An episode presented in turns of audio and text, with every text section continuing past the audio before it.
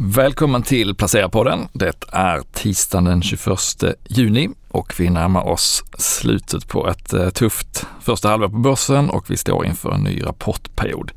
Och med mig, Martin Blomgren, för att prata lite börsläge, lite marknad resten av året och lite förhoppningsvis intressanta aktiecase har jag fått in i studion Mattias Sundling, aktiestrateg och analyschef på Handelsbanken.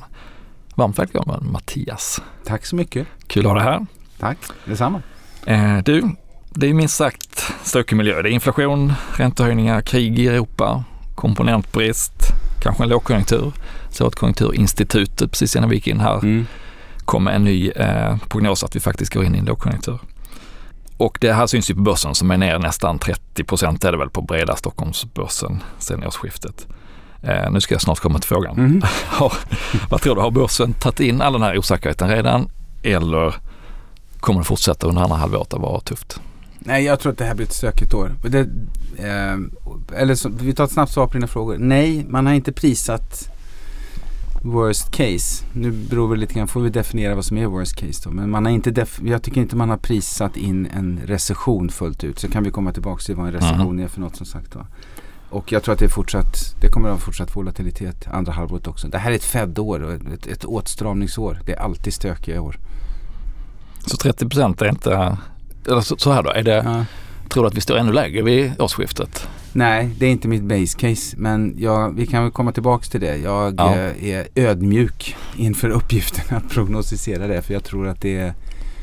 Jag tycker att man, man, ska akta sig för den gamla klyschan att det aldrig varit så svårt som nu. Men det är ett svårt år ja. för jag tycker att det vi, ska ta hän, vi ska ta ställning till två olika, ganska olika utfall. Men med ungefär samma sannolikhet.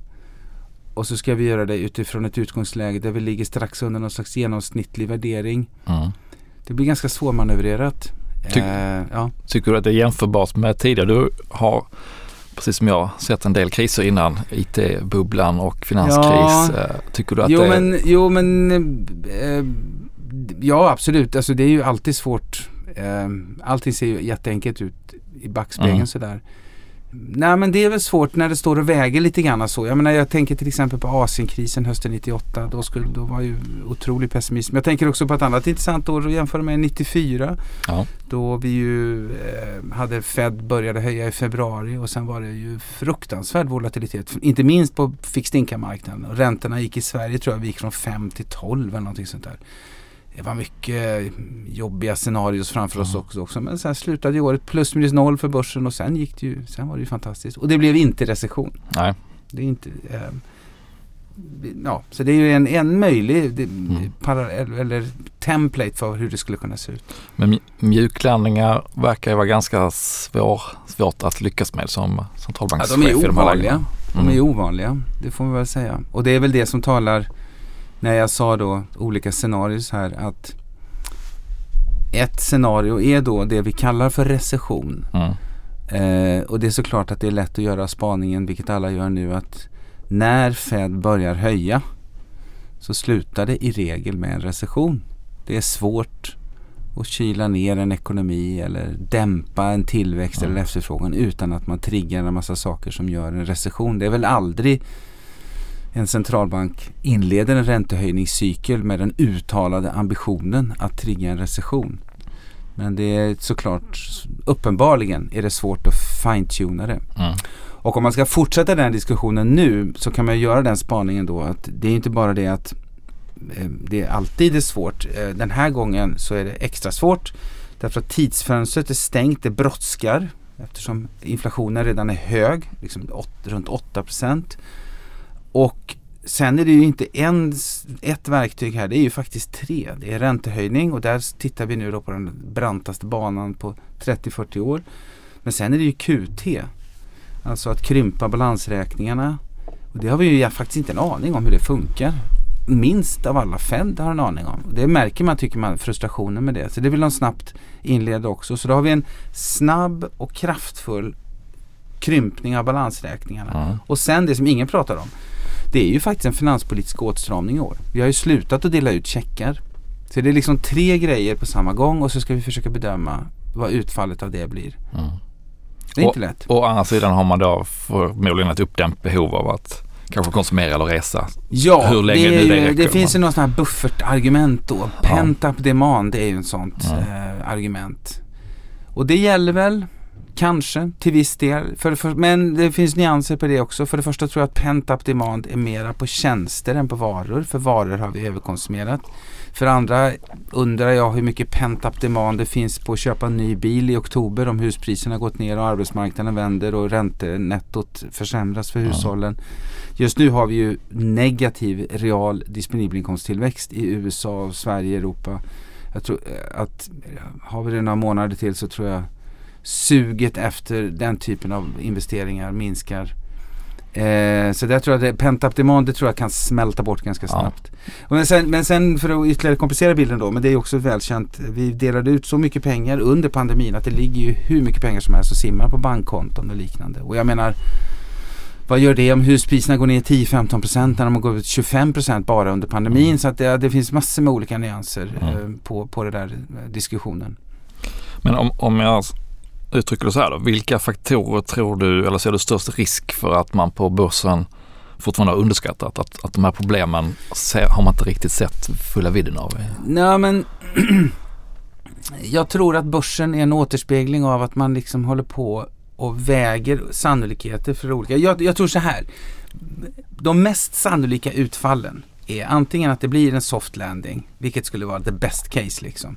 Eller en soft recession. Mm. Jag tror inte så mycket på en hard recession. Men det gör man i och för sig heller aldrig. Men jag tror inte på det. Av de skälen som vi var inne på. Buffertarna och de där grejerna. Och pent up demand och allt det där. Utan soft landing eller soft recession. Och de två utfallen tror jag täcker liksom 80% utav det, det som sannolikt. Och sen däremellan skiftar liksom sannolikheterna. Så just nu efter den här siffran för, förra fredagen då, inflationssiffran i USA. Och när Fed liksom inom loppet av ett par månader har gått från, en, från att sikta på 1,9 till 3,5 i styrränta. Det är såklart, då går ju risken för en recession upp. Ja. Absolut. Så då har sannolikheten för det skiftat. Eh, och, så, och, och jag tror att börsen hela tiden återspeglar osäkerheten att ah, nu gick den sannolikheten upp lite grann, nu gick den ner lite grann och så håller vi på sådär. Och det var det jag, jag tror att vi kommer att få liksom någon rekyl här och så köper folk lite verkstad igen och sen nej vänta nu och så håller vi på så här Ja. fram och tillbaka. Eh, har börsen fullt ut diskonterat en soft recession eller en recession? Nej, det tycker jag inte att de har gjort. Om det är det vi i formell mening kallar för recession så, och så går man tillbaka i historien. Det är ju inte så att S&P brukar bottna på P tal 17. Nej. Nej, man skjuter Eh, över och man skjuter under Ja, innan det är och, över. och, så, så det är en enkel observation. Ja. Och faktum är att börsen, jag menar jag vet att när börsen var i bear market här, när S&P var ner 20 så började folk snacka om att ja, men nu är det väl ändå. Men det, det brukar ju gå ner mer. Om Ja. det är en recession i någon slags, när jag säger formell mening då menar jag enligt den här MBER-definitionen, amerikanska eh, or, vad kallas det för? Organet som Ja, bestämmer ja. där. Och vad är det? det är, National Bureau of Economic Research. och då tar man in både att det ska vara negativ BNP och Ja, det arbetslöshet är en, eller det är en diskretionär bedömning. Det är inte Ja. någon sån här mekanisk bedömning, två negativa kvartal eller sådär. Utan det är ju liksom en mera diskretionär, jag vet inte, det sitter väl en Recessionsjuryn Ja, kommer ut med ja verdict. exakt, jo, jo. men och de kommer ju ut efter, långt efter att det är över Ja. så att säga. Men då kommer de ut och då väger de ihop aktivitet, sysselsättning, BNP och sådana saker. Men, Just det, och men, men, men, men just det, så P-talet är en aspekt och den, den andra ännu mer ögonfallande aspekten är ju att folk sitter ju fortfarande, och folk, då menar jag konsensusanalys, sitter ju fortfarande och reviderar upp estimaten. Ja. In, och det finns det, I Europa så är det väldigt mycket bara energy men tittar man på USA och Norden så är det ju flera, olika, flera sektorer där vi fortfarande reviderar upp estimaten. Mm. Och så brukar det ju aldrig se ut i en recession utan i en recession då har vi ju liksom vinstnedgång. Mm. Så där finns det ju eh, nedsida. Men då sista nyansen här. Ja. Det, det går ju i steg. Först kommer ju P-talet och bottnar på ett helt felaktigt E och sen börjar ju P-talet ta sig iväg uppåt och så justerar vi E sen. Så att det går ju inte på samma gång så att säga.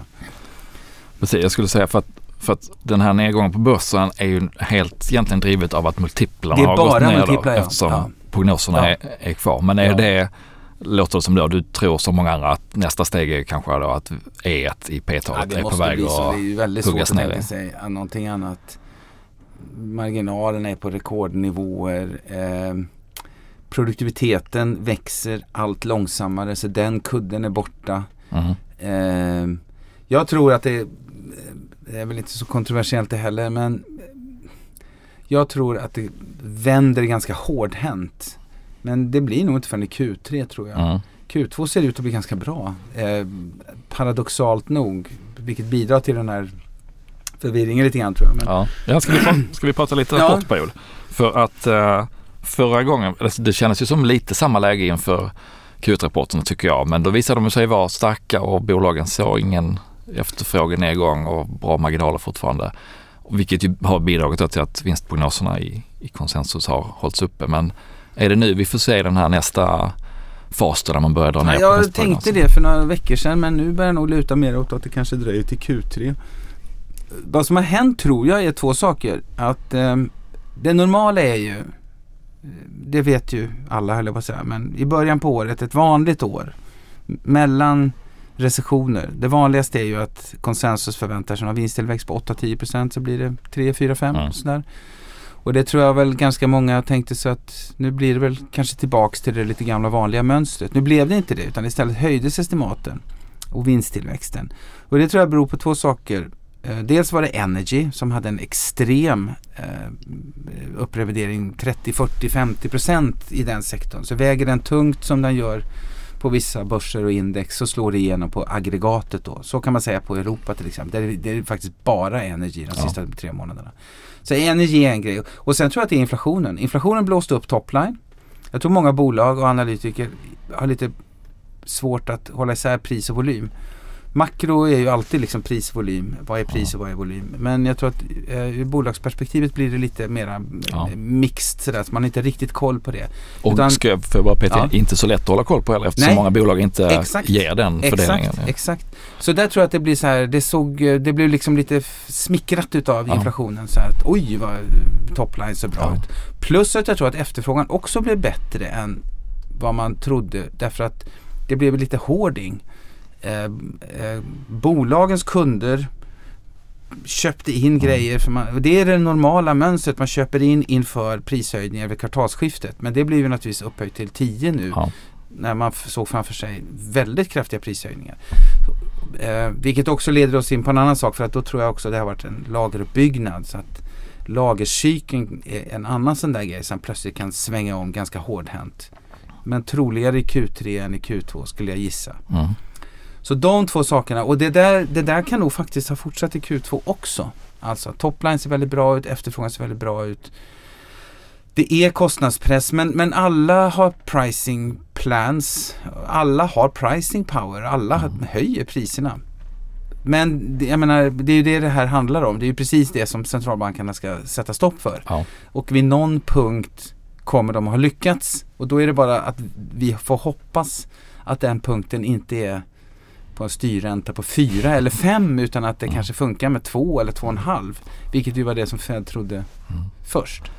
Men även om rapporterna skulle visa bra tillväxt, lite prisdopas då, eh, bra marginaler, så Ja. kan man väl gissa att det är inte så många vd som känner att det är ett bra läge att stå och vara tuff, utan man kanske är lite Nej. försiktig med Nej, outlooken jag ändå. föreställer mig att outlooks kommer att vara ganska försiktiga. Ja. Så att man inte committar sig till någon speciell, alla, jag, all, jag, du frågar, man glömmer ju bort hur saker och ting har varit men jag kan inte dra mig till minnes att alla har pratat så mycket om recession som man gör nu. Alla försöker vara smartare och tänka att eh, det blir nog recession. Sen är inte alla positionerade för det men det är en annan sak. Men, men så att nej, jag tror inte att de kommer ha så mycket confidence. Och sen är det ju också så här ur ett allokeringsperspektiv. Det är inte någon ledande indikator, vinstestimaten. Ehm, utan det är troligen så att det är en laggande indikator. Så att när väl estimaten börjar justeras ner, vilket man då skulle leka med idén att det blir som jag tänker, att det kommer i Q3, så börjar estimaten ganska hårdhänt att tas ner. Så skulle man ju mycket väl kunna tänka sig att det sammanfaller med att börsen går upp då, Ja. rekylerar upp liksom. Ja, det kan bli stökig Mm. sommar och sensommar. Spännande är ordet Spännande du menar jag. söker. Förlåt. Mm. Eh, bra, men eh, du, du pratade om vad som, skulle, vad som inte är inprisat. Om man vänder Mm. på det då, vad, vad, vad är de stora, skulle kunna vara en stor trigger för att börsen plötsligt vänder upp Nej, mer väl- uthålligt? Ja men det är väl i sådana fall att inflationen vänder ner. Ja. Det är därför jag tror det var en sån enorm besvikelse då när den amerikanska siffran och sen den svenska siffran kom också. Ehm, Det finns ju en populär tes där ute om stagflation, vilket jag tycker då är en ganska lite förvirrad diskussion. Vad är egentligen stagflation? Vad är den formella definitionen av stagflation? Jag vill minnas att det är ett läge när både inflation och arbetslöshet går upp. Um, det tycker inte jag att det är nu. Det här är fortfarande, mm. arbetslösheten går ju fortfarande ner. Ja, för mig är detta fortfarande en det är för mycket efterfrågan på, vi har, över, vi har liksom underskattat efterfrågan och överskattat utbudet så att säga. Mm. Och eh, det är inte krångligare än så. Och jag tror inte egentligen att centralbankerna ser det som så annorlunda heller. Utan nu gäller det bara snabbt få ner efterfrågan eh, så att den är i någorlunda paritet med utbudssidan i ekonomin. Så att inflationsförväntningarna inte skenar iväg? Nej, eller? Nej och det var det jag menade med tidsfönstret. Du kan ju inte ligga på 8% inflation och 3% tioårsränta hur länge som helst. Nej. Vid någon punkt, för i den meningen så är vi ju fortfarande lyckligt lottade att marknaden tror ju fortfarande ändå att centralbankerna på lite sikt har det under kontroll. Och i den meningen så tror ju marknaden fortfarande är transitory. Alla älskar ju att liksom göra narr utav det ordet mm. nu. Men en tioårsränta på 3 eller 3,5 säger ju att marknaden tänker att det, de, det marknaden justerar hela tiden det är ju bilden av hur mycket centralbankerna behöver göra för att ha inflationen under kontroll. Mm. Men de har egentligen aldrig ifrågasatt att de har det så att säga, på lite sikt. Och det, men då skulle det kunna vara en, en dålig faktor om man inte längre vågar tro på att de nej, fixar nej, men det, och det tror jag inte ens någon vågar. För då, är vi, då, är, då skulle vi i sådana fall vara inne i en stagflationsspiral. Att vi skulle nu få, och det, det går väl att göra det caset. Att, att vi är på väg in i ett läge där lönehöjnings lönekraven stegras och så får vi hela den kostnadspressen och inflationspressen eh, samtidigt som ekonomin viker. Då är vi inne i ett stagflationsscenario. Men det är inte så, jag tror inte. Jag tror att inflationen viker ganska tydligt men det bygger naturligtvis på att efterfrågan och tillväxt viker också ganska tydligt. Um, ja. Mm. ja, det syns väl på en del råvarupriser och stålpriser sådär som faktiskt har vänt Ja, ner lite om... fraktpriser ja. och du får ju lite signaler här nu om att de här flaskhalsarna ändå börjar lätta lite grann. Det var den här storyn av Samsung häromdagen. Man tittar på de lite regionala index på leveranstider och eh, unfilled orders och sådana där saker som det heter. Så mm. ser man ju ganska, man ser ju signaler om att mm. väntetider i hamnar och sånt där. Så att så att det lättar nu tror jag. Så att, eh, då tror jag inflationstakten kommer att komma ner och när vi får lite fallande inflationstal så tror jag att eh, det är en trigger mm. för ett positivt scenario. För då skulle man kunna ha ett case där man ser framför sig att tillväxten viker men inte kollapsar. Inflationstakten faller ner och Fed kan efter några snabba höjningar när man kommer upp till 2 eller 2,5 någonstans säga att men vi kan, nu kan vi lugna ner tempot lite grann. Och då tror jag att plötsligt kommer alla börja prata om 94 som en Ja. Som en template. Okej, men så här långt i år så är det ju råvarubolag som vi pratade om som har gått bra. Läkemedel och defensivt har också klarat sig hyggligt ju på, på svenska eller nordiska börsen i alla fall. Ja. Eh, och framåt, jag tror du att det är de, ska man ligga kvar i de här eller hur tänker du kring sektorer som, mm. som man ska positionera sig i? Ja. Med förbehållet då att det är lite svårt att resonera kring sektorer på ju mindre marknaderna blir. Eh, om man tar Norden som ett exempel. Så här, och då, förlåt, Norden är liksom ditt universum? Norden är, är mitt universum. Men det är så här, det är lätt att snacka på S&P eller Stock 600 och sen när man går ner på Norden så är utility som en klassisk defensiv. Det är så ett eller två bolag. Ja. Så det blir lite haltande. Men, men jag tycker så här långt i år då så är det två saker som är övertydliga oavsett vilken börs man tittar på. Det är ju att growth har gått dåligt och att cykliskt har gått dåligt. Och spegelbilden är då att relativ performance har ju varit för value och för defensivt.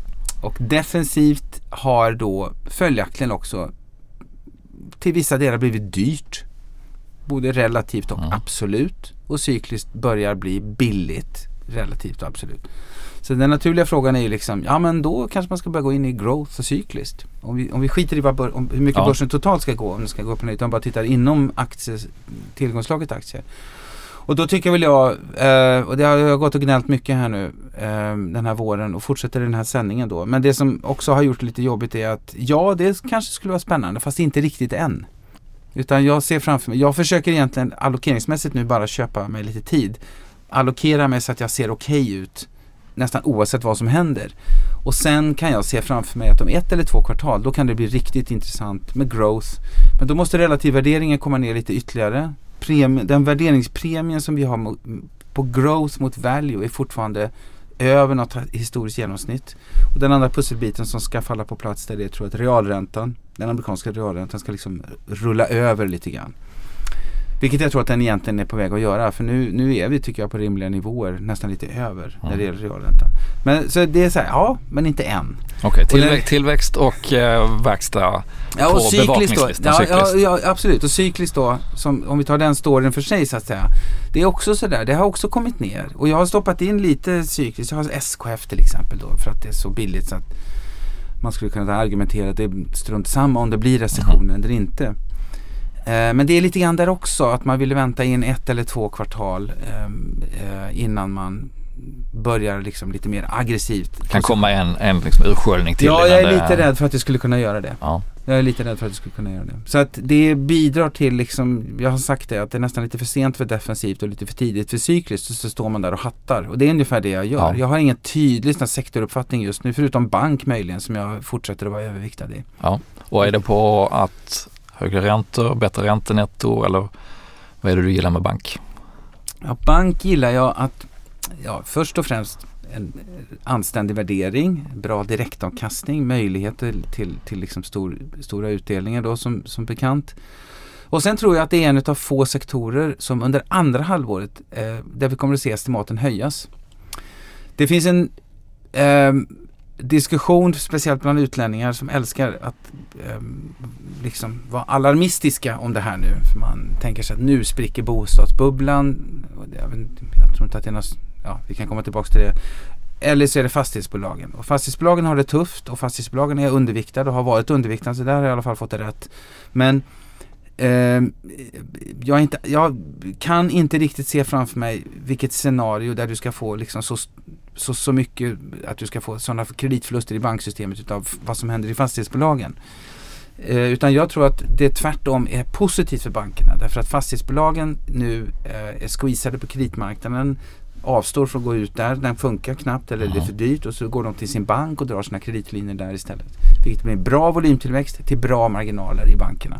Så jag tror att EPS-estimaten för bank som såg lite halvtrista ut i början på året, där det inte var någon förväntad årstillväxt alls, kommer att höjas. Medan de andra kommer att sänkas. Så det tror jag att det blir Intressant. lite bra momentum ja. för bank också.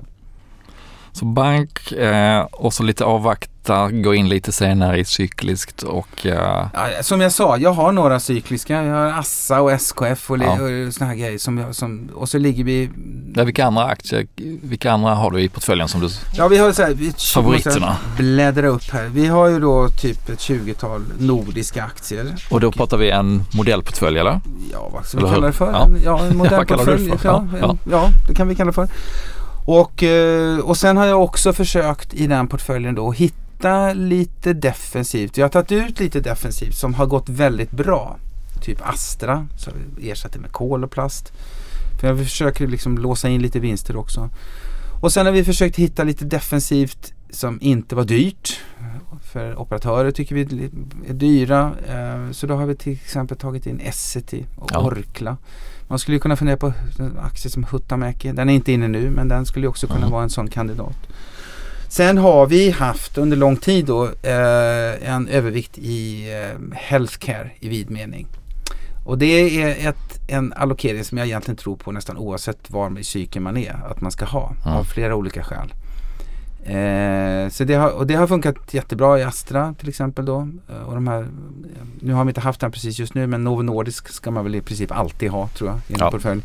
Det har funkat mindre bra i Medtech som vi har haft superjobbigt. Mm. Eh, Getinge, Gen, Stor Nord och Ambu och Getinge. Mm. Det har ju varit av och till ja.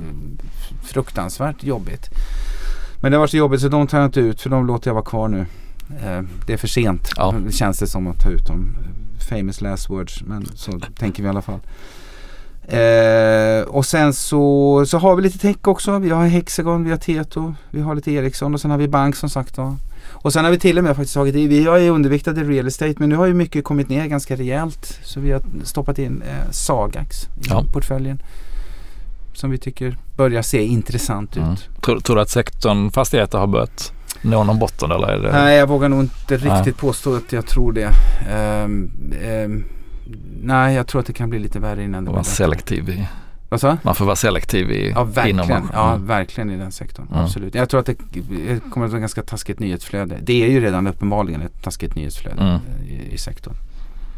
Gott, eh, men när det gäller Handelsbankens aktierekommendationer eller aktieråd Mm. så har ni gjort en ändring ganska nyligen och då får du rätta mig om jag har fattat det fel här men från att tidigare haft på 12 månaders sikt som, som, som är en ganska vanlig och standard Ja. eh, tidshorisont så har ni två år räcka då på, på ett bolag kan jag ha. En Mm. på tre månaders sikt och en på tre års sikt, eller Ja. hur? Är det rätt eh, Ja. uppfattat? Ja, Det är härligt. korrekt. Eh, varför? Ja, det gjorde vi ganska nyligen som du sa. Eh, och varför gjorde vi det? Jo, vi ville ha en bättre verktygslåda. Och jag tror att det fanns en stark insikt hos oss att den här 12 månaders horisonten egentligen inte var gynn, eller gynnad, det var inte användbar för någon. Det var en dålig kompromiss. Mellanmjölk. Ja, nu är i och för sig mellan, alla säger alltid mellanmjölk. Mellanmjölk är storsäljaren i Arla-sortimentet. Det är en Ja, dålig- jämförelse då. Ja. Ja, men vad jag menar är att eh, antingen är, alltså jag säger så här, om, om jag pratar med en större institutionell placerare och, och de har det här säkert sittandes här. Så de tittar noga på ett bolag, struntar mer eller mindre egentligen i konjunkturcykeln utan letar efter ett bolag, vill ha en bra story. Och sen går man in och då gör man ju det på tre år åtminstone eller kanske ibland har man en femårig placeringshorisont. Så det är ett skikt av placerare, investerare. Eh, och det andra är ju då att samma typ kan ju också ha då ett, liksom ett, ett overlay av taktisk allokering eh, ovanpå liksom den vanliga portföljen där man sitter och kanske spelar på det som är mer det som jag håller på med. PMIs, vad händer i centralbankerna, risksentiment av och på och sådana saker. Eh, eller trading, Ja. deskar eller trading-sugna privatkunder, vilket det finns ganska många av. Mm. Och då är det ju tre månader. Så, så då gjorde vi två horisonter för att kunna ehm, uttrycka oss bättre och mer flexibelt. Det har väckt ont blod faktiskt. Eh, en del har uppskattat det, många har uppskattat det. Vi försökte liksom ha en ganska bred diskussion och inom gruppen och sådär och förankra det. Men sen har många, det har väckt blandade känslor. ja.